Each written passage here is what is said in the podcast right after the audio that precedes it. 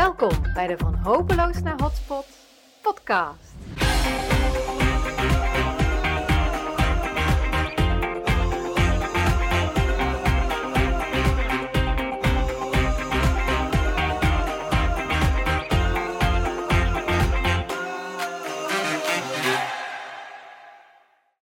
Hoi, welkom bij de achtste aflevering alweer van de Van Hopeloos naar Hotspot podcast. Ik ben je host Sandra Poelman en neem je weer mee op expeditie om te ontdekken hoe we stadsharten weer kunnen laten stralen. Want in binnensteden, spoorzones en centrumranden concentreert zich heel veel leegstand. En ja, corona maakt het er natuurlijk niet beter op. Het is echt een mega opgave om uh, daar, ja, dat te transformeren en daar nieuwe betekenisvolle functies aan te geven, die het bestaande verrijken en nieuw leven inblazen. En om je daarbij op ideeën te brengen, gaan we vandaag inspiratie opdoen uit de erfgoedontwikkeling. Want mijn gespreksgenoot van vandaag is niemand minder dan Frank Strolenberg, programmamanager bij de Rijksdienst voor het Cultureel Erfgoed. Frank, welkom in de podcast. Leuk dat je er bent. Dankjewel, Sandra. Leuk om er te zijn. Ja, hartstikke leuk. Hoe gaat het met jou? Het gaat goed. Ja, het gaat goed. We zijn uh, lekker druk en uh, er gebeurt heel veel op het terrein van erfgoed. Dus dat is uh, altijd mooi om te doen. Ja, ik ken jou als een druk baasje, want uh, je bent volgens mij ook weer met een boek bezig, toch? Ja, we zijn op dit moment met een boek. Dat gaat uh, volgende week verschijnen. Een boek over uh, herbestemde kerken, in dit geval. Maar inderdaad, in de loop van de tijd zijn er al heel wat boeken verschenen vanuit erfgoedontwikkeling. Waar ik aan heb mogen bijdragen over winkelstraten, over gebiedsontwikkeling, over gewone herbestemming in zijn algemeenheid. Dus het is wel een thema waar ik voortdurend mee bezig ben. Ja, dat snap ik. Want zo ken ik jou ook. Want het is misschien wel leuk voor de luisteraar om te weten waar wij elkaar van kennen. Dat gaat al een tijd terug, hè, naar uh, 2011. Ja. De Zeker, Biennale ja. Leegstand en Herbestemming. Ja. Ja. ja. Wat, uh, nee, wat, kun je daar iets over vertellen? Wat was dat ook alweer? Nou, kijk, in 2011 was het natuurlijk voor Nederland in ieder geval nog een beetje redelijk in het begin van de crisis. Hè. Vanaf 2010 uh, heb ik een programma opgezet, een samenwerkingsprogramma rondom leegstand. En, en, herbestemming was dan eigenlijk het antwoord. Hè. Leegstand was het probleem, herbestemming was de oplossing. Maar het programma dat hebben we gedaan van 2010 tot en met 2015. En toen we daarmee begonnen, was het nog zo dat herbestemming van, zeker van monumenten, was nog echt nog geen usance, was nog echt nog helemaal geen gebruik in Nederland. Sloop, nieuwbouw, dat was het thema. Uh, ik kan me nog herinneren interviews met uh, het vastgoedjournaal en, en uh, heet dat, Business Review en dat soort dingen. Real Estate Magazine. dat we moesten uitleggen dat herbestemming interessant was. en dat was één. En twee, dat herbestemming van monumenten interessant was. Dat, mm. dat was toch wel heel bijzonder dat je het daarover had. Niet dat het niet gebeurde. Het gebeurde daarvoor natuurlijk ook wel, her en der. Maar dat waren nog steeds wel de uitzonderingen. Hm. Maar midden in die crisistijd werd dat regel. Nou, om een beetje dat gevoel te krijgen van wat dat onderwerp nu was, hebben we destijds een, een biennale georganiseerd. Hè, dus dat hebben we twee keer gedaan. Samen met de gemeente Maastricht en samen met de gemeente Amsterdam. En, en ik deed het vanuit de Rijksdienst Cultureel Erfgoed. Maar dus eigenlijk met de partners die meededen, en dat waren toen uh, de coöperaties uh, deden mee, uh, Bouwend Nederland deed mee, de gemeenten deden mee. Dus deden heel veel partijen deden mee. En toen hebben we een biennale georganiseerd. De eerste was een hele grote in, in 2011 inderdaad, waar jij ook bij was. En daar hebben, nou ja, hebben we eigenlijk heel lang aandacht gevraagd voor het onderwerp. We hebben verschillende tentoonstellingen georganiseerd. We hebben debatten georganiseerd. Ik was toen uh, helemaal hip. Was toen uh, Richard Florida. Die hebben we toen naar uh, Nederland gehaald. Ja, die heb ik toen gezien, ja. Ja, ja met een sponsoring dinner was dat toen. En, ja, in het nek. En we hebben ja, ja. En we hebben toen ook elf uh, soorten workshops georganiseerd. Een soort experimenteerruimtes, soort labs, die dan drie dagen lang, we zaten toen in het Sphinxgebouw, zijn die aan de slag gegaan met een bepaald onderwerp. En uh, jij was toen vanuit Eindhoven met uh, Mariedagen één van die labs. Ja. Ik kan me nog herinneren dat jij kwam met de, met de paters en die daar meededen. Dat was echt heel erg leuk. Ja, en daar ja. drie dagen lang, uh, uh, misschien nog wel langer, dat weet ik niet. Ja, een hele week, een hele week. Ja, ja. Een hele week zelfs, oké. Okay. Ja, dat ja. Weet ik ja, ja. ja dat, dat, weet je wel hoe belangrijk dat voor mij was op dat moment? Want uh, ik had net die, ja, die opgave gekregen van, hey, de Paterskerk in Eindhoven die komt leeg te staan. Hè? De paters worden steeds minder talrijk, moeten er vanaf. En uh, onze wethouder, wethouder Scheurs, zei van ja, zo'n kerk alleen herbestemmen, dat gaat ze niet lukken. Wij hebben de naastgelegen school, misschien kunnen we er een gebiedsontwikkeling van maken. Dus ik werd gevraagd om daar een gebiedsontwikkeling van te maken. Maar ik had nul team en nul budget. En uh, ik zag wel, ja, het was inderdaad een, een, hele lastige tijd toen, midden in de crisis. Maar ik zag wel de potentie van die plek. Dus ik dacht van ja, ik heb een soort van vehikel nodig. Ik heb denkkracht nodig van mensen om, uh, ja, om, om dit een schoen te geven. En ik weet nog, het kostte 25.000 euro om mee te doen als uh, lab, als onderzoeksatelier bij die biennale. Ja. Nou, en de paters die kwamen zo over de brug met 12.500 euro. En uh, nou ja, kon de gemeente niet achterblijven. En ik had me al echt helemaal ingeleefd in dat gebied, allemaal kaders overal opgehaald. Maar ja, kaders alleen stellen, daar kom je nergens. Je moet gewoon echt scenario's ontwikkelen. En, dus ja, we zijn toen gaan deelnemen. En ik heb ongeveer twintig Eindhovenaren zo gek gekregen om een week lang mee te gaan naar die Sphinxfabriek, die koude Sphinxfabriek daar. Ja. Om mee te denken. En, uh, en vanuit jullie waren er allemaal experts die eraan toegevoegd werden. Hè, die uh, konden meetekenen, meerekenen. Dus echt voor ons was dat een pressure cooker. Die in één keer ervoor zorgde dat wij drie scenario's hadden. Die helemaal doorgerekend waren. Enthousiaste mensen. En nou ja, dat heb ik mee teruggenomen naar Eindhoven. Die hele club is toen nog naar de studentenkapel gekomen om daar te presenteren. En zo heb ik de opdracht gekregen om een visie te ontwikkelen. En nou ja, dat was oh, voor mij echt de, ja. de quick start, zeg maar. Uh, de kickstart, sorry uh, van die ontwikkeling. Ja, ja. ja wel leuk. Nou ja, dit, dit, dit, verhaal hoorde je terug over die andere ateliers die er waren. Want het was toen allemaal redelijk nieuw hoe we dat soort dingen moesten aanpakken. Dus het, het was echt een experimenteerruimte destijds. En daar zat heel veel energie. Ik kan me inderdaad nog herinneren dat overal van die teams aan de slag waren. Dat was echt ja. waanzinnig leuk om mee te maken. Ja, en, en uh, het was ook wel heel leuk, uh, ja, wat ik zei, het was daar heel koud. Dus af en toe ging de blazer aan, hè? want die hadden dan mobiele blazers. En dan kon je ook geen woord met elkaar wisselen. dat was echt... Ja, dat, is, uh, ja, dat was natuurlijk voor Maastricht. We zaten toen in die Sphinxfabriek. Ja. Dat was toen ook een opgave voor hun. Hè? Kijk, voor Maastricht was het toen interessant om te laten zien dat je dit soort gebouwen ook op een andere manier kon gebruiken. Ja. Dus vandaar dat wij ook eh, in die, in die gebouwen mochten. We hebben toen die, uh, inderdaad die ateliers daar gehouden in één gedeelte. We hebben in een ander gedeelte hebben we toen de tentoonstellingen georganiseerd. En de debatten van delen ook en zo. Dus, uh, en uiteindelijk heeft dat Maastricht ook geleid tot een soort bewustwording van wat hebben we hier eigenlijk allemaal aan kwaliteiten. Mm -hmm. En inmiddels zijn die gebouwen ook herbestemd. Dus uh, het heeft wel allemaal, allemaal dingetjes in beweging gezet. Ja, precies. Dat is natuurlijk wel heel mooi. Hè? Dat, uh, dat, dat mensen daarmee zien van wat er in zo'n gebouw kan. En ja. er, in plaats van hè, de, de ellende van Oort staat leeg, dat ze er de kansen van in gaan zien. Ja, dat is... Ja.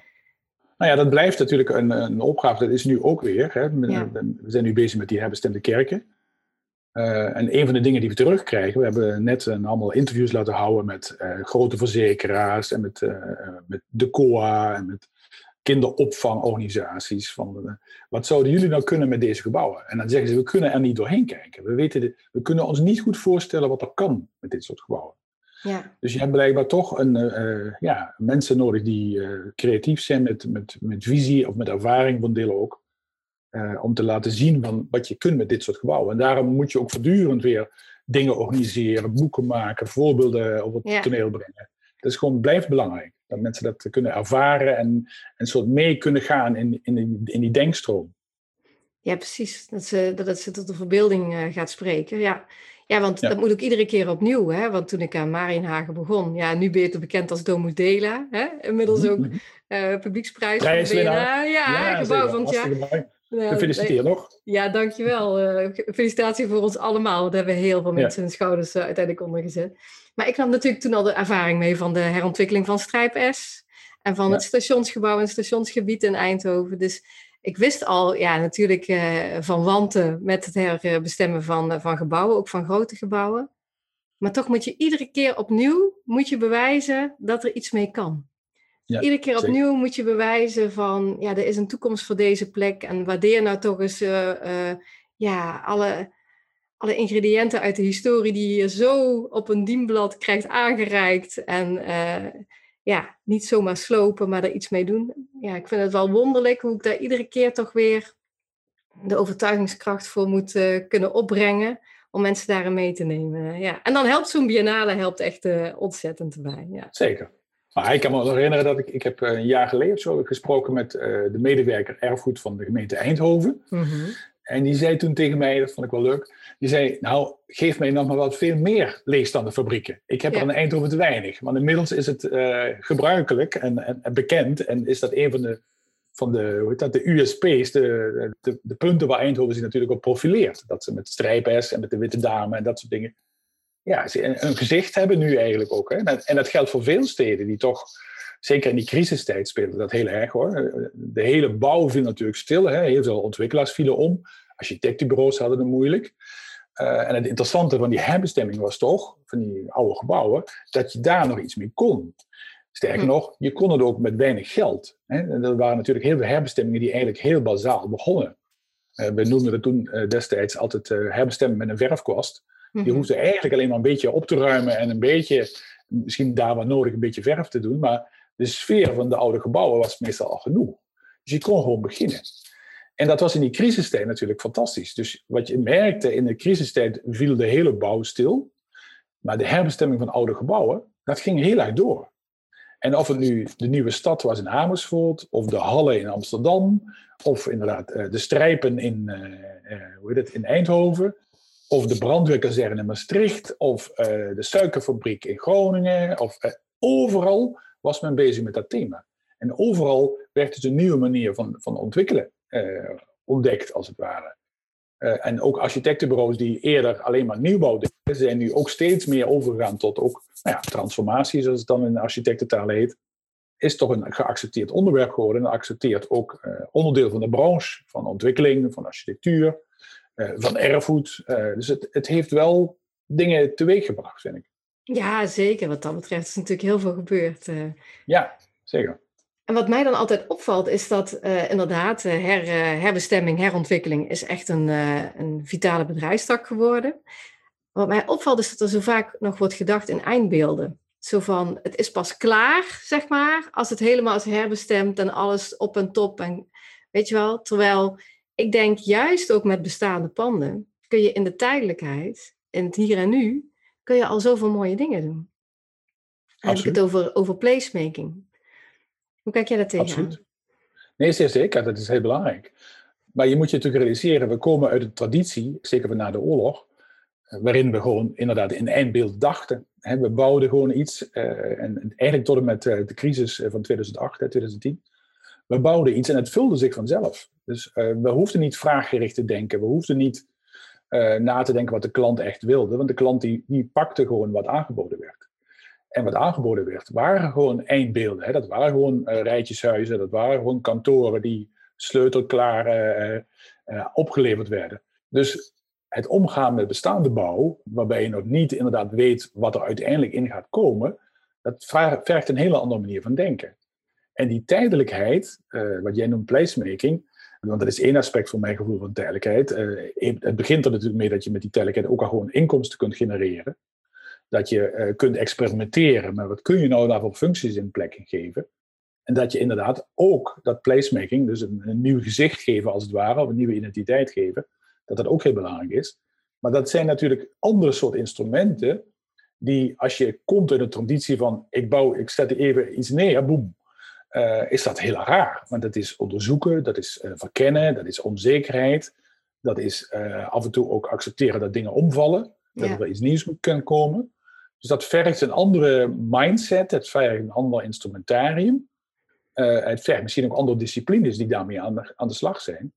Maar net omdat je nu begint met het gebouw en je weet nog niet waar je naartoe gaat, terwijl het vroeger was, je wist waar je naartoe ging en dat was een gebouw, vergt het dus een, een andere manier van denken en werken. En dat, dat is, nou ja, dat moet je dus leren, dat moet je ontwikkelen ook. Ja. ja, maar ik herken ook helemaal wat je zegt van, ja, placemaking, dat lijkt dan een beetje zo van, oh, je zet het op de kaart alleen. Maar juist het experimentele karakter ervan, dat je ontdekt in het hier en nu eigenlijk wat de vraag is die er in de stad leeft, die vaak heel latent is. Hè? En door dan, door dan dingen mogelijk te maken op zo'n plek, ga je gewoon meteen ontdekken of die vraag er ook is. Dan ontdek je het al, zeg maar, vandaag. En kun je daar ook al levendigheid mee creëren en in een behoefte voorzien. In plaats van dat je denkt in een eindbeeld van over tien jaar staat hier dit geweldige, zullen we zeggen, start-up factory. Waarvan je dan niet eens hebt onderzocht of er echt behoefte aan is. Ja, uh, nou, ik denk, je raakt daar een heel belangrijk onderwerp. Want dat is namelijk het onderzoeken van de vraag. Mm. we hebben de neiging om, en ik merk dat vaak ook bij bijeenkomsten, als er nagedacht wordt over een leeg pand of een, leeg, of een plek, dan hebben de mensen al heel snel de neiging te zeggen, oké, we pakken een flip over en we pakken geeltjes en we gaan verzinnen. Glaasje wijn erbij, moet je eens kijken. Hier zou kunnen komen een viersterrenhotel. Hier kan komen een congrescentrum. En dat is allemaal heel erg aardig. En soms lukt dat ook. Hè. Soms heb je dat ook nodig dat mensen uh, dit soort ideeën ontwikkelen. Dat is een hele belangrijke uh, fase, zeg maar. Maar wat natuurlijk heel erg belangrijk is, en volgens mij cruciaal, is dat je zoekt waar de energie zit in de samenleving, in de gemeenschap. Welke vraag speelt er inderdaad? En kan ik die vraag boven water tillen? Want soms is die vraag helemaal niet, uh, die zie je niet. Hè? Maar de vraag bijvoorbeeld van de mensen die allemaal achter hun laptops op hun eigen zolderkamertje zitten te werken. En die het eigenlijk hartstikke leuk vinden om toch voor een deel samen te werken in een plek. Nou, die, die, die, die vind je niet zomaar, want je weet ze gewoon niet. Dus je moet die ruimtes gaan creëren. Je moet die, die omgeving gaan creëren waarin dit soort, tot uit, dit soort activiteiten, dit soort functies tot uitdrukking komen.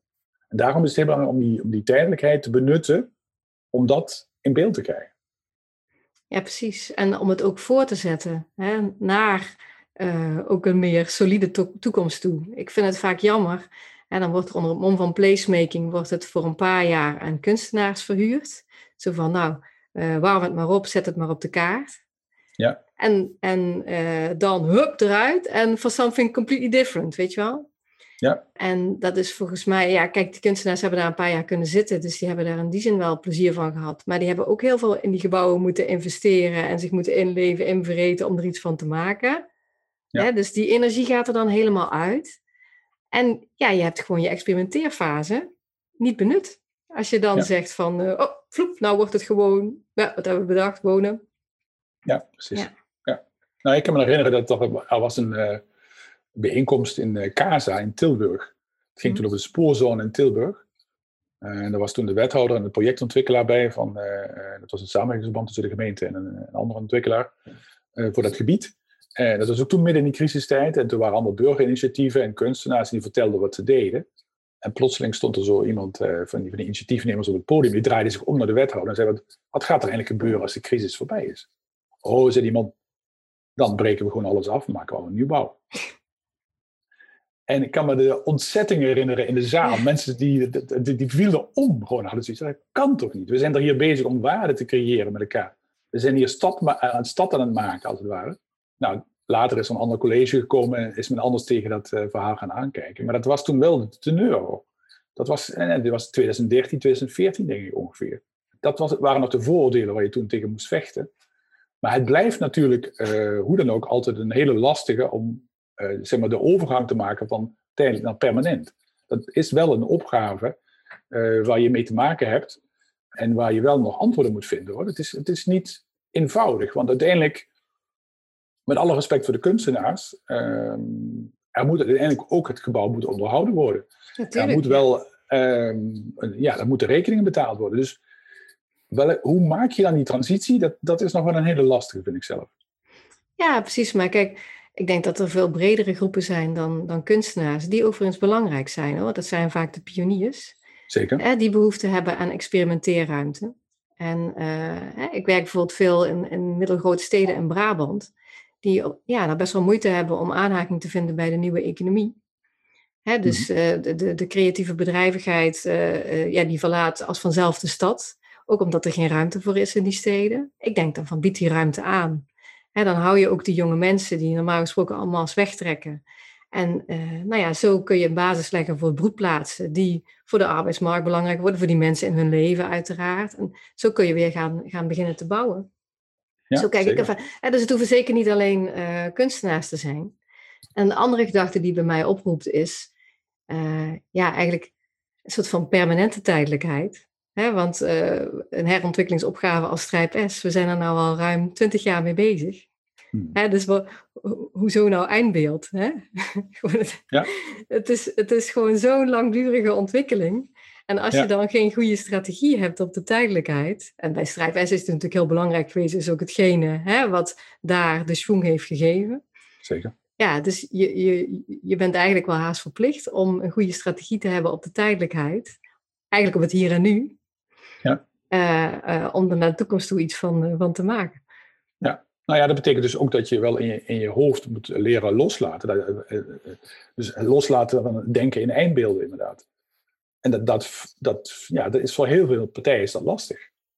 Ja. Want wanneer is het nou klaar? ik wil ook een keer over naar iets anders. Of wanneer kan ik de boeken sluiten? Of, uh, dus ja, eh, je vraagt nogal wat om te zeggen, maar het is tijdelijk, of het is permanent tijdelijk. Dat is, dat is, een, dat is een moeilijke puzzel in, in de hoofden van heel veel partijen.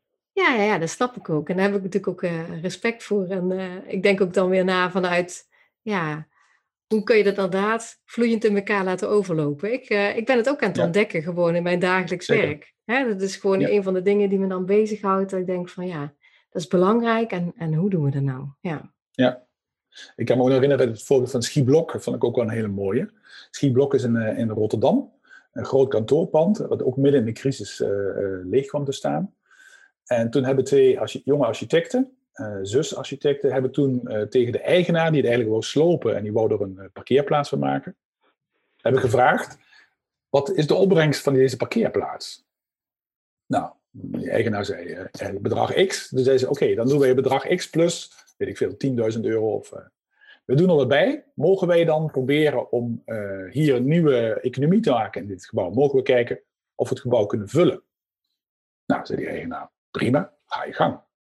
Wat interessant was, is dat deze architecten waren jonge lui, die hadden een enorm netwerk. en die hadden eigenlijk in no time het hele pand gevuld. Het hele kantoorcomplex was gevuld met huren die uh, zeker in die tijd uh, aanzienlijk waren. Dat ging tegen marktconform aan. Hè. Dat hm. zat dan niet helemaal op, maar wel tegenaan. Knap hoor, ja. Dat was hartstikke knap. Maar toen raakte de crisis op zijn eind en uh, zei die eigenaar, nou, dank jullie wel. Jullie kunnen wel vertrekken eigenlijk, hè, want ik ga dan mijn eigen ding nou doen. Waarop die, dat architectenbureau zei, ja maar wacht even, wij zijn de vulling.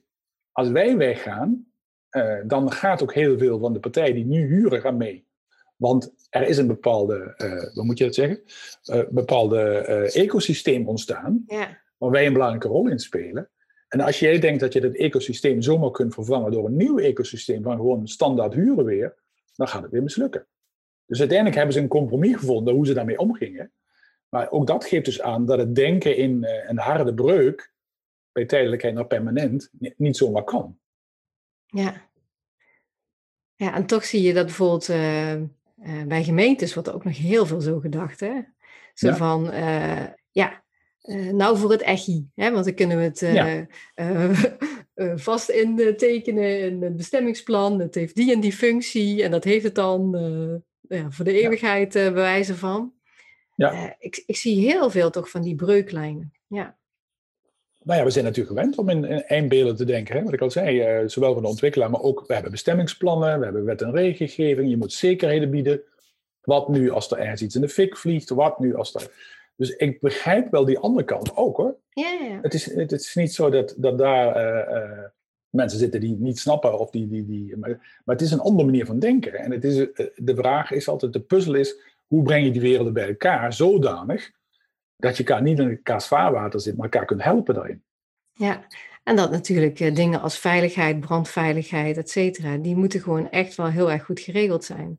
Absoluut. ik bedoel, wat dat betreft, eh, je komt wel eens eh, in een transformatiepand binnen en dat je denkt van ja, echt, hier, hier hoeft maar wat te gebeuren en het staat laaiend in de fik. Ja. dus die, die basis, die moet echt wel, ja, dat vind ik echt zo belangrijk. Ja, ja zeker. Want, want, en ik kan me ook voorstellen dat gemeentes daarop toezien. Want, uh, maar bijvoorbeeld, uh, sommige gemeenten vinden het ook heel lastig om wat meer ruimte te bieden in het bestemmingsplan. Dat mhm. begrijp ik dan minder. Hè? Want mhm. je hebt gewoon die experimenteerruimte heb je nodig om uit te mhm. vinden hè, wat de vraag in de stad is en waar het naartoe zou kunnen gaan. Ja. Maar als je het hebt over dingen, gewoon de basale veiligheid, dan begrijp ik dat heel erg goed. Ja, ja zeker. We zijn wel een hele tijd mooi aan kletsen. Uh, en tegelijkertijd vind ik het ook heel mooi om te horen ja, over wie jij bent en wat jou drijft. Kun je een beetje jezelf introduceren? Zeker. Ik werk inmiddels eh, een jaar of dertig in het erfgoed. Nee, niet een jaar of dertig, bijna op de kop af. In december 1990 ben ik begonnen bij de Rijksdienst Oudheidkundig Bodemonderzoek. Dat waren de archeologen destijds. Uh, maar ik ben van huis uit helemaal geen uh, erfgoeddeskundige. Ik kom uit de communicatiewereld en ik heb lang bij financiën gewerkt. En ik kwam dus ook bij de, bij de ROB destijds, bij de archeologen, als een hoofdbedrijfsvoering. Ik moest uh, vooral het zakelijke gedeelte doen. Maar omdat ik in Den Haag gewerkt had een aantal jaren al, zeiden ze, nou doe ook maar het beleid erbij. Uh, want het was toen nog, uh, nou ja, was nieuw, archeologiebeleid, daar had nog nooit niemand over nagedacht. En eigenlijk is daar een zaadje geplant. Ik was altijd wel geïnteresseerd in geschiedenis en, en oude dingen, dat soort dingen. Maar toen ben ik eigenlijk begonnen na te denken over waarom werken we hier eigenlijk. Hè? Dat was toen nog een tijd, als ik het mag zeggen, wat een beetje leek op het bureau van Voskuil, dat boek, ik weet niet of je het kent. Nee. Het was heel erg, uh, nou ja, professoren onder elkaar die allemaal sigaren rookten en allemaal dikke boeken schreven en zo. Maar de vraag waarom werken we eigenlijk aan erfgoed, dat was een vraag die nog weinig gesteld werd. Het credo was toen altijd, geef het verleden een toekomst. We moesten vooral zorgen dat al die oude spullen bewaard bleven voor de toekomst. En een van de dingen die mij toen op een gegeven moment uh, zeg maar het, knopje omzette voor mij, was dat, ik, dat we bedachten dat het eigenlijk win zinvoller was om dat om te draaien. Geef de toekomst een verleden. Uh, en dat is eigenlijk de kreet geworden die voor mij in eerste instantie zeg maar, de aanleiding was om verder met dit onderwerp bezig te zijn. Want toen realiseerde ik me, ja, maar je bent dus niet bezig met het, met, het verleden te bewaren. Nee, je bent bezig om de toekomst vorm te geven dus je oriëntatie is op de toekomst uh, en dan gebruik je dat verleden bij. Dat betekent ook dat je nadenkt over ontwikkeling. En wat kan mhm. erfgoed daarin betekenen?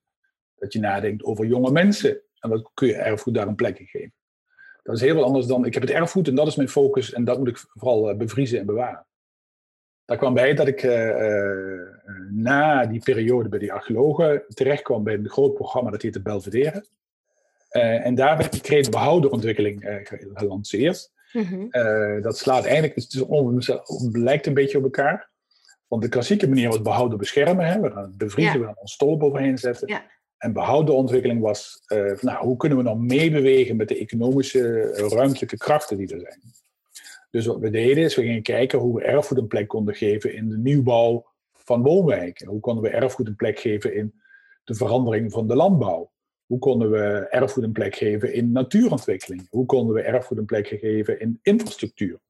Dus in alle ruimtelijke domeinen gingen we kijken hoe we erfgoed daar een soort onderlegger konden maken, een soort kwaliteitslaag, om te kijken of we inderdaad die veranderingen uh, nou, kwalitatief op een hoger plan konden brengen. Vanuit de veronderstelling dat als je dat doet, dat erfgoed daar ook een plek in krijgt. Dat betekent niet dat anything goes. Hè. Dat betekent niet dat je alles kunt afbreken en transformeren en uh, je gang kunt gaan. Uh, we hebben nog steeds iconische gebouwen en iconische plekken waarvan we zeggen dat moet je afblijven. Maar kijk, heel Nederland is door de mens gemaakt. Dat kun je eigenlijk wel stellen. Hè? We hebben uh, Nederland onze, uh, het is een mensgemaakt territorium. En verandering is een, is een constante. Dus hoe kun je meebewegen met, met die verandering en hoe kun je daar erfgoed een plek in geven? En dat betekent ook dat het erfgoed voor een deel moet kunnen bewegen. Niet ooit was van uh, uh, directeur Rijks- en Monumentenzorgfonds Asselbergs. Die is, heeft ooit een, uh, een stuk geschreven dat heette Niet zo veranderlijk als een monument.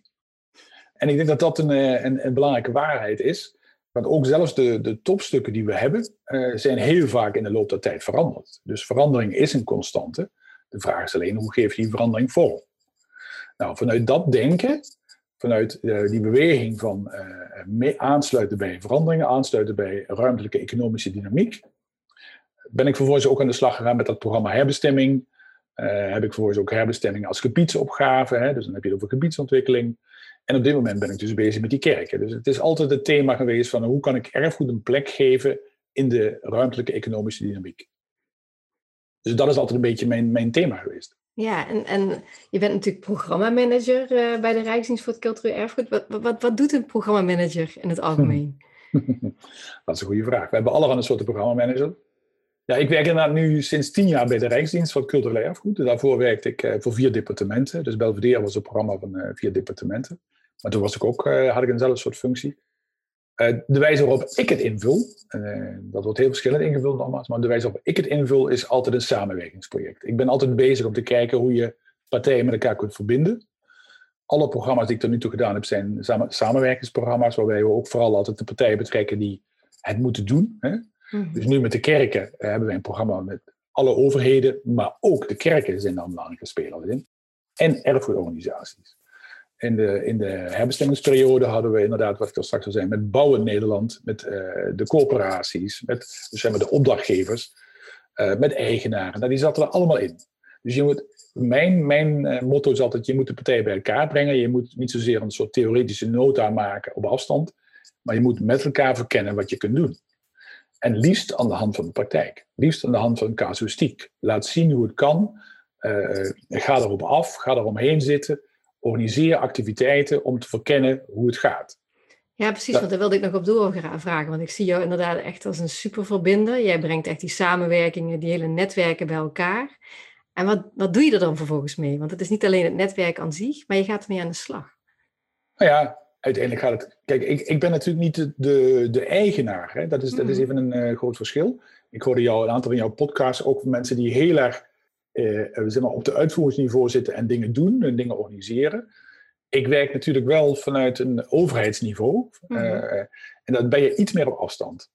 Dus je, wat je kunt doen, is je kunt de partijen die ermee te maken hebben, bij elkaar brengen en concreet proberen aan de slag te gaan. Neem nou even eh, de kerken. Hè, het laatste onderwerp waar ik nu eh, mee bezig ben. Misschien niet de laatste, maar in ieder geval wat ik nu op dit moment mee bezig ben. Ja, ja. meest, recent, meest recent. Meest recent, dat is het term. Wat we daar gedaan hebben, eh, er is al heel lang sprake van leegstand van kerkgebouwen. 2008 was het jaar van het religieus erfgoed en dan is eigenlijk dat vraagstuk van die leegstand aan, aan, op de agenda geplaatst. Maar het was vooral een vraag van ja, wat moeten we nou doen? En, en uiteindelijk was de conclusie, uh, minister, zet een hele grote zak met geld neer en komt het allemaal goed. Was eigenlijk de uitspraak van de kerken destijds.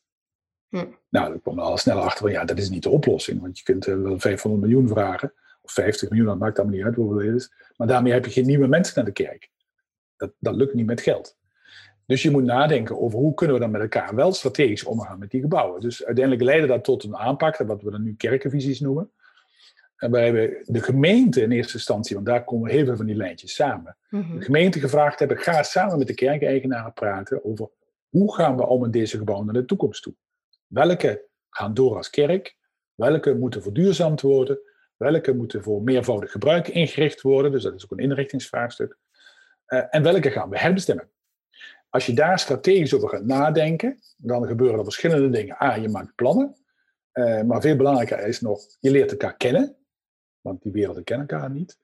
Er ontstaan plotseling ook mogelijkheden, want in het proces van die kerkenvisie, we hebben dat een paar keer meegemaakt, ontstaan er oplossingen. Omdat plotseling iemand zegt, oh, wacht even, als die kerk leegkomt, ik weet nog wel ergens een bedrijfje wat ruimte zoekt. En dan kan ik die match al maken. Dus voordat die visie al klaar is, eh, worden al oplossingen gevonden. Dus je al werkende weg ontdek je dingen. Dus dat is heel belangrijk om zo laag mogelijk bij de praktijk te zitten en dingen te doen en zo oplossingen te, te vinden.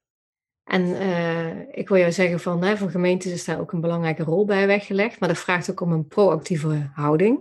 Zeker. Uh, is, is die er overal bij gemeentes? Is die er overal? Uh, nou, ik durf niet te zeggen dat ze er niet is, maar wat je wel merkt, zeker op het erfgoedterrein waar, waar uh, ik dan werk, want dat is dan vaak de eerste ingang, daar is weinig capaciteit. Er zijn gemeentes die echt maar 0,3 FTE hebben voor erfgoed. En dan roept zo iemand, ja, maar wacht even, dit is nog iets extra's erbij. Want ik moet ondertussen ook de vergunningen eh, voor verbouwingen van andere dingen doen. Uh, ik moet adviezen schrijven voor de wethouder. Uh, dus, en dan moet ik nog een kerkenvisie organiseren. Nou, daarom hebben we dus ook een subsidieregeling gemaakt. En, en via dat loopt dan via het gemeentefonds, maar een soort subsidieregeling om dat mogelijk te maken. Maar je merkt dat daar wel knelpunten zitten. En dan even los van de capaciteit, het gaat ook over de mindset, waar we net ook over hadden, over die tijdelijkheid. Er zijn natuurlijk ook erg veel mensen die, ja, die denken toch vanuit de wettelijke taken, zoals het dan heet. Dat gaat heel erg over beschermen en behouden. Terwijl dit vraagt om ontwikkelen. Dit vraagt mm -hmm. om het durven onzekerheid aan te gaan. Durven met nieuwe gesprekspartners aan tafel te zitten. Niet weten wat de uitkomst is. Ja, dat, dat is, nou ja, daar hadden we het net over. Dat, dat vraagt nogal wat van mensen. En, en zit er misschien ook iets in van, uh, tenminste dat kan ik me best voorstellen, het is nogal een opgave, hè? die grote kerkgebouwen die uh, vrijkomen. En het is mhm. eigenlijk een opgave van de eigenaren. Mm En zo kunnen gemeentes ook denken van, ja, het is een opgave van de kerkgenootschappen en dat ik die aap niet op mijn schouder nemen. Kom je dat ook tegen? Absoluut. En het is ook een terechte uh, constatering natuurlijk. Hè? Het is niet je eigendom. Punt is wel, als gemeente krijg je denk ik wel op je bordje. Want als het bijvoorbeeld herbestemd moet worden, moet er wel een omgevingsvergunning worden aangevraagd. Dus je krijgt er wel mee te maken. Maar los daarvan uh, is de belangrijke vraag of je daar niet mee uh, te maken moet willen hebben. Want het gaat niet alleen over dat ene gebouw, maar aan dat gebouw bijvoorbeeld zitten allemaal sociale structuren vast. Er zitten mensen die van het kopen poetsen tot en met het koor, tot en met uh, ouderen verzorgen. zeker in deze COVID-tijd zie je dat die kerken een hele belangrijke rol hebben. Dus die gebouwen zijn plekken waar ook hele sociale verbanden omheen zitten, waar allemaal mensen zitten. Een andere kant is dat je kunt nadenken, nou kijk nu wat, wat in Eindhoven gebeurt met Domus Dela, kunnen dit soort gebouwen ook ons als stad vooruit helpen? Kunnen ze ons toeristisch misschien helpen? Kunnen we daar nieuwe economie in maken? Ehm, dus je kunt als gemeente ook andere soort vragen stellen, ook al ben je geen eigenaar. Het kan je doel dienen om, om, uh, om hiermee aan de slag te gaan. Plus het feit dat het vaak belangrijk erfgoed is ook. Dus het is ook vanuit dat perspectief je behoudt ook een deel je identiteit. Ja, ja zoals ik dat in het begin bijvoorbeeld bij, bij Marienhaag heb aangepakt, is van oké, we zien nu, nu nog niet de oplossingen, maar jongens, als dit gebied tot ontwikkeling kan worden gebracht, welke maatschappelijke meerwaarde zou dit kunnen geven? Wat moet er zeker worden uh, ingewilligd, zeg maar? Absoluut. Daar heb ik veel gesprekken over gehad met mensen in de omgeving. Ook een aantal zijn toen meegegaan naar de Biennale. En een van de belangrijkste was van, ja natuurlijk, uh, behoud door ontwikkeling. Hè? Dat is uh, vanzelfsprekend. Maar ook van, het is zo'n mooi gebied, zo prachtig rijksmonumentaal religieus erfgoed in Eindhoven, maar we mochten er nooit zijn. Dus naar de toekomst toe mag het dan alsjeblieft iets worden, iets multifunctioneels, iets voor publiek, waar ik in ieder geval een kopje koffie mag komen drinken en liefst nog veel meer. Ja, ja. ja zeker. Nee, dat, dat is heel cruciaal. Daarom, om even bij die koffie aan te sluiten, horeca is ook een hele belangrijke ja. verbinder hierin. Hè. Horeca maakt het mogelijk dat mensen een gebouw binnen kunnen lopen zonder dat je meteen een afspraak hebt. Hè. Je kunt gewoon ergens inderdaad gaan zitten en een kopje koffie drinken en kijken. Uh, dus horeca is altijd uh, heel cruciaal bij dit soort uh, plekken. Ja, zeker. Hey, en als we, want nu hebben we het over, over erfgoed, over kerken. Maar als we nou zeg maar deze gedachte eens op een binnenstad loslaten. Hè, want ook daar stellen veel gemeentes zich de vraag van ja, moet ik me hier nou voor inzetten? Ja. Het is niet mijn eigendom. Uh, sterker nog, het is heel versnipperd uh, eigendom. Uh, daar worden normaal gesproken, hè, van vroeger uit, werden er hele hoge huren gevangen. Hè, ik, ik, merk ook heel veel terugtrekkende bewegingen. Wat denk jij? Moet een, moet een gemeente in zo'n gebied ook een proactieve rol aannemen of, of niet?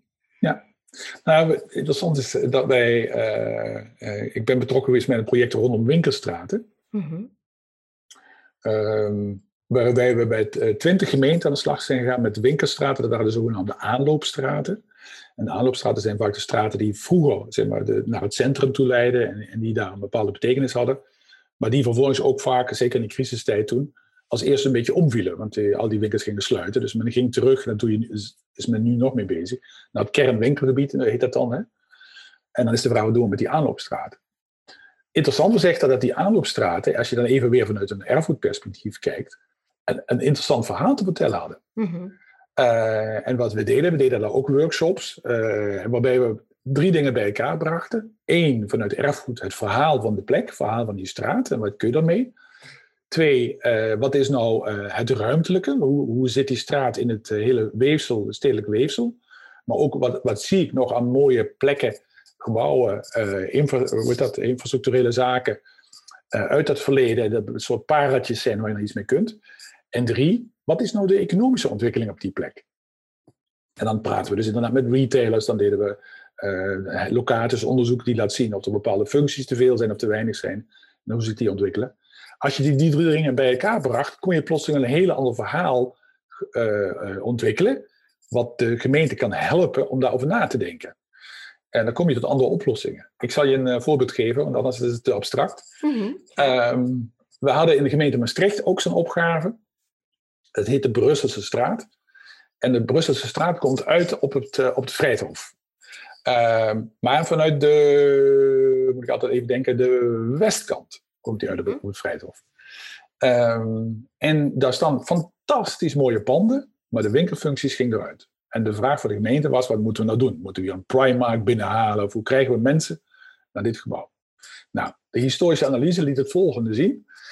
Ik ga niet helemaal diep in, maar, uh, zeg maar in de tijd van toen België en Nederland nog één waren, in 1800, uh, wat is het, 1830 denk ik, ik ben slecht in geschiedenis.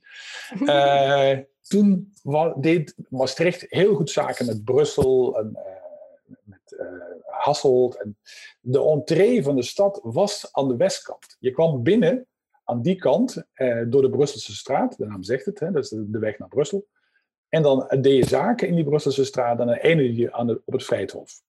Want de andere kant, wat nu Wiek heet, uh, dat was, dan moest je de brug over, over de Maas. Dat was zeer onveilig nog in die tijd. Dat was eigenlijk de achterkant van de stad. Wat gebeurde er? België maakte zich onafhankelijk. Uh, in Nederland kwam aan die kant het station. Ja. Kwam aan die kant de A2. De entree van de stad klapte volledig om.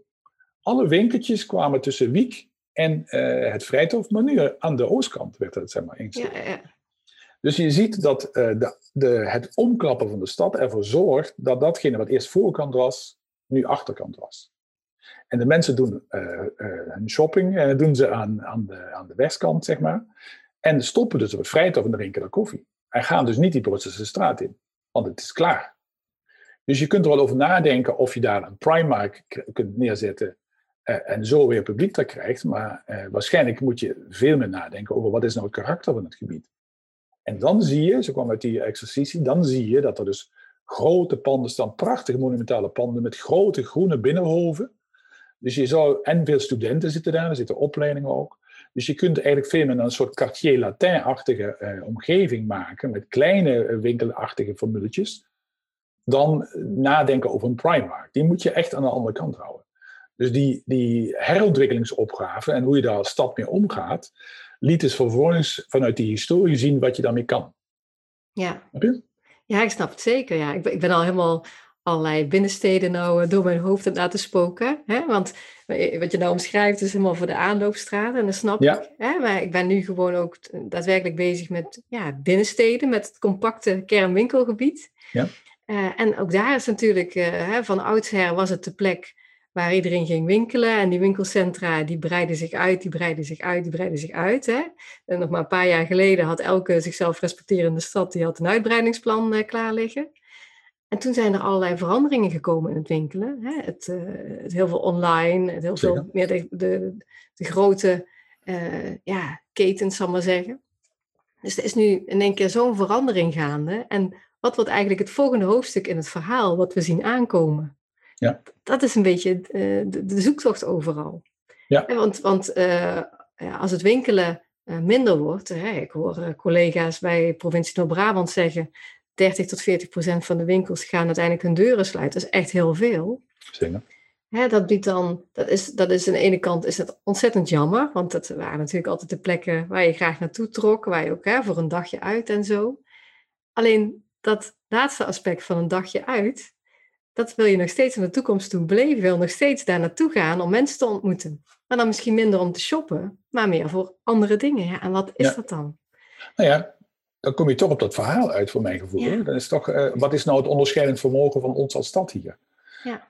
Kijk, en je kunt niet, uh, je kunt niet allemaal een, uh, zo aantrekkelijk zijn dat de hele, de hele wereld naar je toe komt. Nee. Maar je kunt wel nadenken over wie ben ik nou? En hoe kan ik dat verhaal vertellen? ja, ehm, precies. En hoe voeg ik er een nieuw hoofdstuk aan toe? Want gewoon omdat jij al zei van verhaal, dat inspireert mij dan om te bedenken van ja, wat is dan zo'n verhaal? En net als ik net zei, zo'n middelgrote stad. En een, een, een hoofdstuk in, van een nieuwe verhaal zou kunnen zijn van ja, eigenlijk gingen er heel veel jeugd en jongeren trokken weg. Er was hier weinig werkgelegenheid uh, voor hun. Maar uh, omdat er grote stukken in de binnenstad leeg kwamen, die ook te benutten waren uh, voor creatieve werkplekken zijn er verschillende broedplaatsen ontstaan. Hebben we gezien dat, ja, nou ja, hè, eigenlijk van de ellende van de leegstand, dat daar, dat, dat ons heeft geholpen om grote groepen jeugd weer aan onze stad te verbinden. Het zou een verhaal kunnen zijn. Ik vind het zo mooi dat je zegt een verhaal. Dan zit ik meteen in een soort van uh, denkmodus van, hey, in deze stad zou je dit verhaal kunnen vertellen. En dat, deze stad zou je dit verhaal willen vertellen en zullen we dat eens uitproberen of dat het volgende hoofdstuk mag zijn. En dan hebben we het weer over die experimenteerfase. Ja. ja. Maar, je, maar je merkt dan dat dus de, de, zeg maar, de geschiedenis en, en, de, en de gebouwen hebben een andere tempo uh, dan de functies die erin zitten. Ja. en ik denk dat die geschiedenis en die gebouwen, en vaak ook de wegen, hè, ehm, zijn veel stabieler en kunnen je veel meer helpen om dat verhaal te vertellen. Ja. Even een, nog een, nog een leuke anekdote vond ik zelf. We waren bezig met, met, die, met die winkelstraten, wat ik net vertelde. Hè. Er is een, een mooi boek over geschreven, Levendige winkelstraten. Ja, het is samen geschreven met John Badoel, zei jij laat. Ja, die heeft er ook een rol bij. Dus, dus John bracht vaak de economische factor in. Ja, ja dat is zo, zo, leuk, want hè, die heb ik natuurlijk ook geïnterviewd voor mijn podcast. Ja, ja, ja, ja. Um, en een van de casussen was koevoorden. Ja. En uh, wat we deden, we noemden dat een biografie van een winkelstraat. Dus we maakten altijd eerst het verhaal van de winkelstraat. Uh, en dan deden collega's van mij deden dat vaak. En ik liep naar mijn collega toe, er zijn twee collega's die dat deden, die die biografie maakten vanuit het verleden. En ik zeg, we hebben nou een nieuwe gemeente met een, uh, met een straat. en dat is de gemeente Koevoorde. en toen zei hij als reactie, gewoon op het moment zelf, zonder dat hij wist over welke straat ging en wat dan ook, dan zei hij, oh, maar dat voert terug tot de prehistorie. Ik zeg, pardon? Ja, zegt hij, dit probleem voert terug tot de prehistorie. Dat kan ik je nu al vertellen. Zonder te weten wat, wat, welke straat het is. En toen gingen we kijken en hij had gelijk. Want wat speelt daar? Koevoorde lag vroeger tussen, eh, zeg maar, allemaal venen in. Als je handel wil drijven met het noorden, moest je langs Koevoorde. Daarom werd Koevoorde op een gegeven moment ook een soort vestingstad soort. Het werd een vestingstad. En daar moest je dus doorheen, want anders kon je de weg niet naar het noorden bewandelen. Die doorgaande weg door Koevoorde is in de jaren 60, 70, uh, toen nog uh, de steden vooruit, is die weg een soort afgesloten. En hebben ze daar een nieuw winkelcentrum ergens anders gemaakt, een rondweg eromheen. Dus er is geen doorgaande routing meer in de stad. En dat merk je dus ook. Dus je ziet dat de loop, als het ware, uit uit die straat is gekomen. En, en dat dus, het, het, is veel diffuser geworden. Het, het, loopt dood, letterlijk. Hè? En mensen verspreiden zich dus door het gebied heen. Dan heb je daar een winkelcentrum, daar liggen een plukje winkels. Ja. En het, het, het is, er is geen samenhang, ja. Er is geen samenhang meer. En je kunt natuurlijk niet zeggen, eh, dat komt door die prehistorie. Maar we hebben dus wel niet nagedacht destijds, of onvoldoende nagedacht, over wat, hoe gaan nou stromen in de stad. En die voeren dus letterlijk terug tot op die prehistorie. Maar hoe kun je die stromen die er zijn, die energiestromen vaak ook, hoe kun je die weer anders invullen, uh, zodanig dat het verhaal van Koevoorde uh, hier een onderlegger kan zijn om jezelf weer te profileren. Ja, precies. Ja, en ik, ik ervaar ook meteen een soort van toevoeging op, uh, op mijn gedachtenlijntje qua verhaal net. Want natuurlijk, ik begin ook altijd bij de historie te kijken. Ja. en dus wat ik net opschreef, dat is dan zo van, oh, we, hebben op de pauzeknop gedrukt, binnenstad anno uh, 2020 en dan verder. Ja. Maar je vindt heel veel inspiratie en dat uh, tip je ook terecht aan, uh, of het nou vanuit de prehistorie is of vanuit de middeleeuwen. Ja. Hè? Maar gewoon het verhaal van die plek, hoe het allemaal is gegaan. En niet alleen de plek zelf, maar hoe die stad zich heeft ontwikkeld. Ja. En welke, welke golfbewegingen daarin zijn geweest. En hoe dit dan weer een, een plek heeft in zijn tijd. Ja, ja zeker. Ja. Oh, mooi ik voel daar heel, meteen heel veel inspiratie bij. Ik hoop, uh, hoop luisteraars ook. Ja, het is gewoon een, een, manier van, het is gewoon een manier van denken die je ons aanreikt. Ja, ja. dankjewel. Ja. Ja. En wat moet er volgens jou, dat is meteen misschien een moeilijke vraag, maar wat moet er volgens jou op dit moment in stadsharten gebeuren? En wat zie je nog wel eens misgaan? Dat is een andere lastige vraag. Wat moet er gebeuren? En wat kan er gebeuren? Nou ja, ik denk dat. Uh, ik, ik denk dat het, nou ja, het, het, het, grijpt een beetje terug op waar we in het begin van ons gesprek over hadden. Als je te snel in formules gaat denken, als je te snel in eindbeelden gaat denken, ik denk dat je dan te weinig ruimte creëert om ontwikkeling mogelijk te maken. Misschien wel dezelfde soort beweging die Erfgoed ook gemaakt heeft om te leren, leren los te laten. Moet je ook nadenken over uh, nou ja, die binnenstadskwesties. En als je denkt dat het alleen een retail-opgave is, dan denk ik dat je heel veel dingen mist. Nou, even weer die, die nou, even toch naar het voorbeeld van Maastricht, schiet me nou weer te binnen. Een van de dingen die Maastricht besloten had, uh, was, en dat was een traject wat helemaal los stond dus van deze opgave met die Brusselse straat, waar we net over hadden, was dat ze een tramlijn naar Hasselt wouden aanleggen.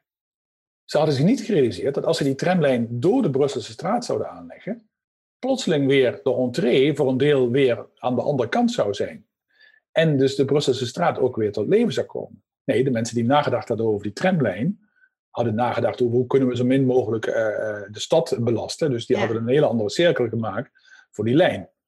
Uh, maar je ziet dus dat hier infrastructuur, hè, dus een, een, een openbaar vervoerverbinding, een oplossing zou kunnen zijn voor een retailvraagstuk wat je eigenlijk hebt. Dus als je alleen maar denkt vanuit het is een retailopgave en ik moet dus daar ook dat, dat perspectief oplossingen brengen, dan denk ik dat je jezelf tekort doet. Dus ik kan niet zeggen wat de oplossing is, want volgens mij moet je altijd heel erg uh, nou ja, zoeken, verkennen uh, wat er aan energie zit, wat er aan mogelijkheden zit.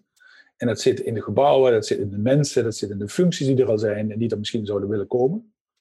Maar het is niet altijd een retailopgave. Dat is een onderdeel van het geheel. Ja, en ik wil jou zeggen ook van het is gewoon een, het is een fase van heel veel onderzoeken en uitproberen, verkennen en dat, hè, en dat moet zijn plek hebben. Ja, nou ja, neem, neem even weer Eindhoven.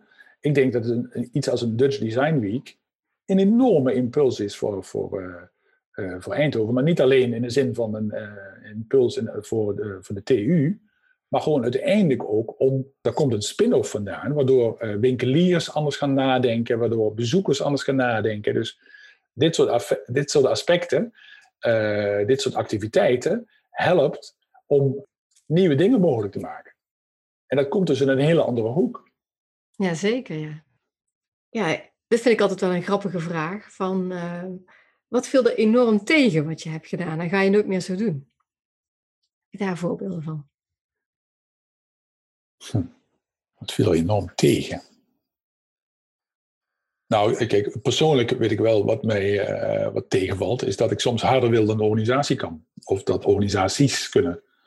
Oh, die zijn herkenbaar. Uh, ja, dat, dat is iets uh, wat je wel moet leren. Dat, dat als je een droom hebt, dan. Uh, wat, wat mij wel lukt, is om mensen daarin mee te krijgen. Om die droom te laten delen, als het ware. Maar vervolgens zijn er natuurlijk wel altijd organisatiestructuren en, en, wetten en al die dingen die, ja, die dingen tegenhouden. En, en hoe ga je er dan mee om? Wat is jouw manier? Nou, kijk, uh, begin ergerde me aan, maar inmiddels ben ik al wat ouder en weet ik dat die dingen ook bepaalde waarden hebben. We hadden het straks even over de brandveiligheid uh, bijvoorbeeld. Dus die zijn natuurlijk. Um, kijk, als je het ziet als een soort uh, gestold wantrouwen, als ik het zo mag zeggen, hè, die wetgeving, dan, dan is het niet goed en dan moet je er ook iets aan veranderen. Maar vaak, als je het ziet als een. Het is uiteindelijk een soort condensatie geweest van, van ervaring uh, en van, uh, van, uh, van het verleden of zo, dan denk je: oké, daar zit dus blijkbaar een ratio achter. Er is over nagedacht en dit is uiteindelijk de uitkomst. Dus we moeten hiermee verder. Dat betekent dat je een andere mindset hebt. Dan ga je niet zitten erger aan het feit, maar dan ga je nadenken over hoe kan ik wat ik nu ervaar als weerstand. omzetten in een soort positiviteit. Hoe kan ik dat oppakken en, en nadenken over hoe kan ik dat nou verder brengen toch? Maar het vraagt dus, zeker als je sneller wil dan de rest, wel af en toe even voor jezelf om terug te schakelen en nadenken, oké, okay, wat, wat, wat gebeurt hier nou eigenlijk en waarom zitten mensen in de wedstrijd zoals ze erin zitten? En dat is dus geen onwil. Ik geloof heel erg, uh, Rutger Brechtman heeft dat boek geschreven, De meeste mensen deugen. Daar geloof ik heel erg in.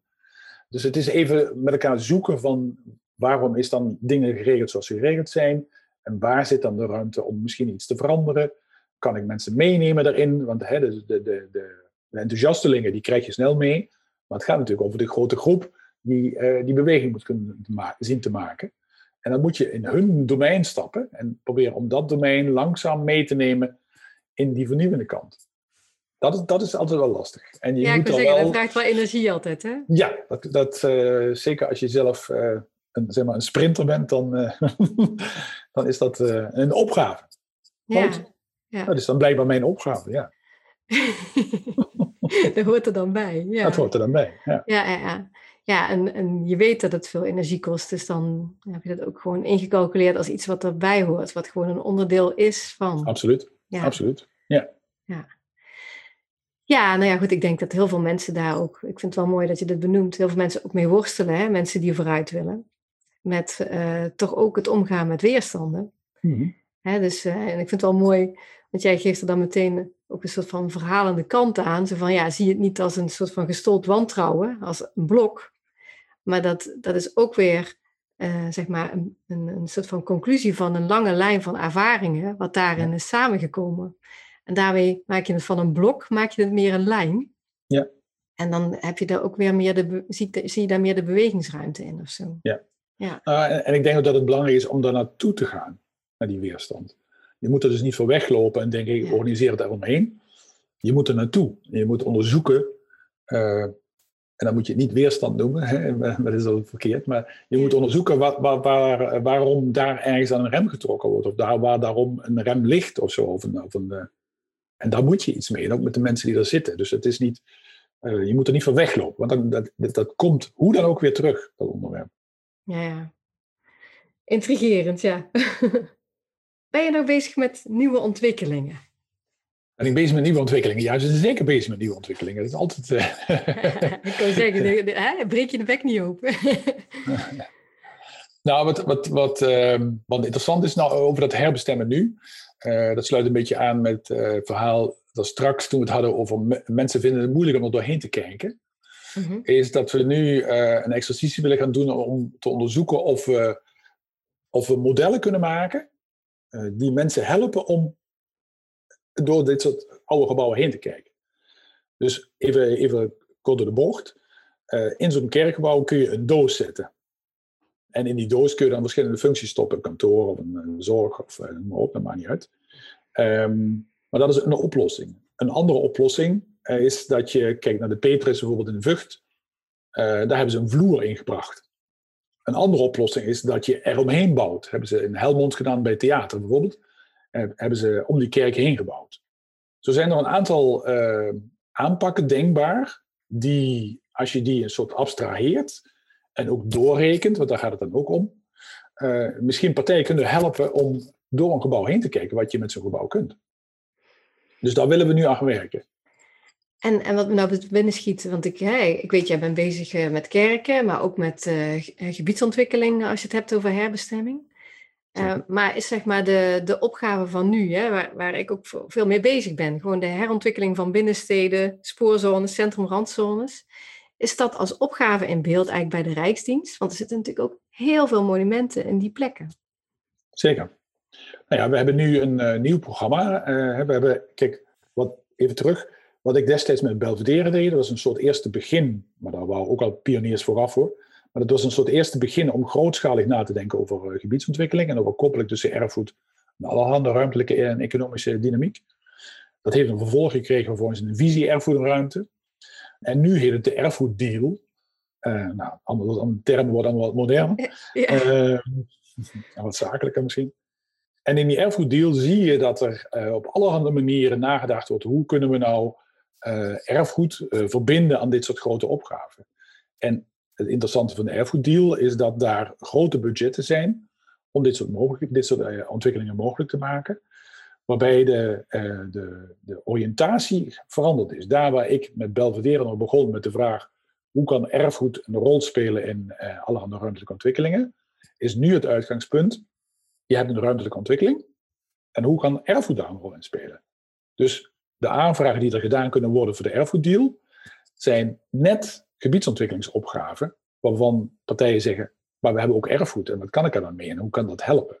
Daar kun je bijvoorbeeld subsidie voor krijgen. Of ik heb een duurzaamheidsopgave of een natuurontwikkelingsopgave. En hoe kan erfgoed daar een rol in spelen? Dus wij vertrokken nog vanuit de erfgoed en gingen kijken hoe kun je aansluiten bij de ruimtelijke ontwikkeling. Nu is de insteek, je moet een ruimtelijke ontwikkeling hebben en wat kan ik dan met erfgoed? Perspectief Ja, is ja. net even weer veranderd. Ja, En en daar kan je het erfgoed veel- daar ja, een impuls in geven? Hè? Ik, ik, ik denk Ja. even, hè, ik ben bijvoorbeeld betrokken bij de, het revitaliseren van de binnenstad in Berg op Zoom. Mhm. En eh, nou ja, dat, dat wemelt natuurlijk van de prachtige monumenten. Zeker. Ook het oude stadhuis, waarvan echt de vraag is van ja, wat moet dat gaan worden? Mhm. Dat zijn toch wel belangrijke pijlers ook in zo'n binnenstadsontwikkeling. Waar, je, waar, je, waar we heel goed de expertise en, en het netwerk en de manier van kijken en denken vanuit een rijksdienst, ja, die hebben we daar echt bij nodig. Nou ja, er zijn ook mensen die gewoon dag, dagelijks hiermee bezig zijn hoor. Dus in die zin, ik zou zeggen, klop even aan. Ja, ik doe het niet ja. zelf. We hebben natuurlijk consulenten bij de Rijksdienst. Een stuk of, eh, wat hebben we, 80. Eh, en er zitten ook stedenbouwkundigen bij en dergelijke. Dus die, die zitten absoluut op dat spoor. Ja, de grap is dat, dat eh, ja, we hebben een plan van aanpak ontwikkeld, maar gewoon deze invalshoek hebben we daarin nog niet meegenomen. Nou, Van, Kijk, van de erf, terwijl, ja, zeker in een berg op zoom, kom op. Het Ja. is zo- is zo'n mooi, prachtig eh, oud stadje. Ja. fantastisch. Fantastisch, ja, zeker. Ja. Ja. bleef voor de oprapen. Kijk, dat heeft deze podcast ook alweer opgeleverd, dat bij mij een kwartje valt. Ehm, Uh, welk boek of training heeft jou persoonlijk bijzonder geïnspireerd en raad je de luisteraar aan? Welk boek of training?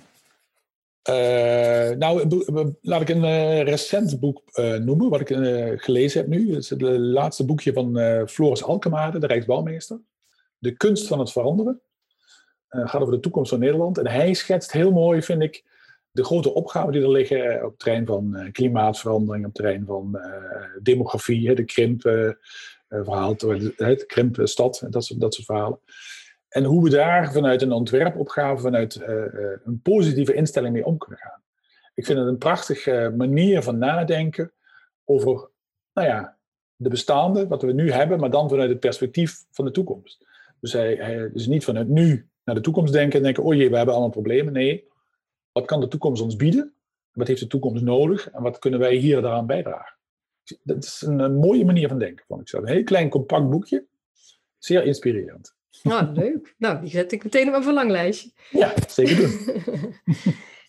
Welke plek vind jij bijzonder uh, inspirerend en waarom?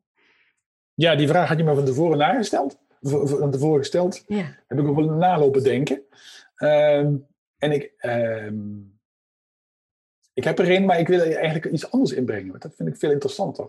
Ja. De plek die... Ik ben vorig jaar nog voor, eh, zeg maar, voor de COVID uh, met de familie naar New York geweest. Dus zijn we onder andere op de Highline geweest. Ik weet niet of je dat kent. Ja, dat ken ik. Ja, ik vond de Highline vond ik echt, en ook de hele familie vond dat fantastisch. Omdat je daar, uh, nou ja, het is ook een oud stuk infrastructuur wat er ligt, een oude metro. Oude oh, metro, oude ja. Metro uh, die dan boven, uh, bovenlangs gaat. En die uh, koppeling is geworden onder andere door Nederlandse landschapsarchitect Oudolf tussen natuur en, en, cultuur, zeg maar.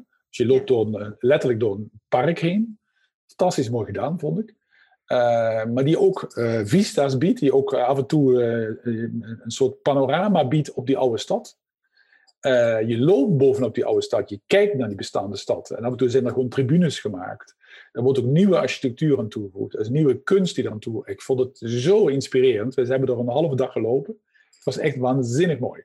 Ja. Maar we kunnen niet naar New York. Dat is een beetje het probleem waar ik mee zat. Ik dacht van ja, ik kan dat wel doen, maar het ligt allemaal een beetje stil. Ah, dat, dat komt ooit alweer een keer. En dat is toch een ontwerp ook van, uh, van Piet Oudolf, toch? Die beplant... Ja, Piet Oudolf. Die heeft, ja, precies. Ja, ja. En heeft hij op Strijp S ook gedaan? Ja. Op de mhm. Tankstraat, uh, op de Leidenstraat. Ja, ja, ja, precies. Absoluut. Nou ja, dus we hebben, en we hebben de Hofbogen in Rotterdam, uh, waar ook, als ik straks vertel, de Schieblok op uitkomt. Is ook, dus we hebben het vaker gedaan, ook met die oude metro's. In Parijs heb je ook, le, hoe heet dat, de Planté, hmm, ben ik even kwijt. Maar je hebt ook in, in Parijs heb je ook zo'n stuk waar je over een oude metro kunt lopen. maar toen dacht ik nou, in, in het kader van COVID, wat is dan interessant? Toen dacht ik, en daar had ik ooit een stukje over geschreven in het winkelboek, de levendige winkelstraten, het monopolie. Het Monopoly, dat ken ik niet. Het spel. Het oh. Monopoly-spel. Dat ken je toch wel? Dat kunnen we thuis doen. ja, precies, daarom. Daarom. Ik denk, iedereen kan dat thuis doen. Pak het Monopoly en leg dat bord eens voor je neer en stel je de vraag, waar kijk ik eigenlijk naar? Wat is dit voor een spel? Is dit een winkelspel? Want je koopt winkelstraten. Is het een vastgoedspel? Want het gaat eigenlijk over de waarde van die gebouwen. Is het een horecaspel? Maar uiteindelijk ruil je woningen in voor uh, hotels. Wat is eigenlijk de rol van de overheid hierin? Want die heeft, je hebt daar de, hoe heet dat, de waterleidingbedrijf en de elektriciteitsbedrijf heb je. Oh ja. En je hebt het algemeen fonds en dergelijke, wordt belastingen geheven. Dus de, de overheid speelt hier ook een rol in.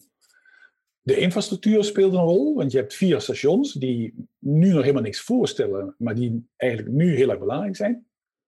Dus dat is een hele interessante opgave. Waar kijk ik naar? Want het is het eind van een soort spel. En ook de vraag, in 2016 ging uh, Perry Sport ging, uh, failliet.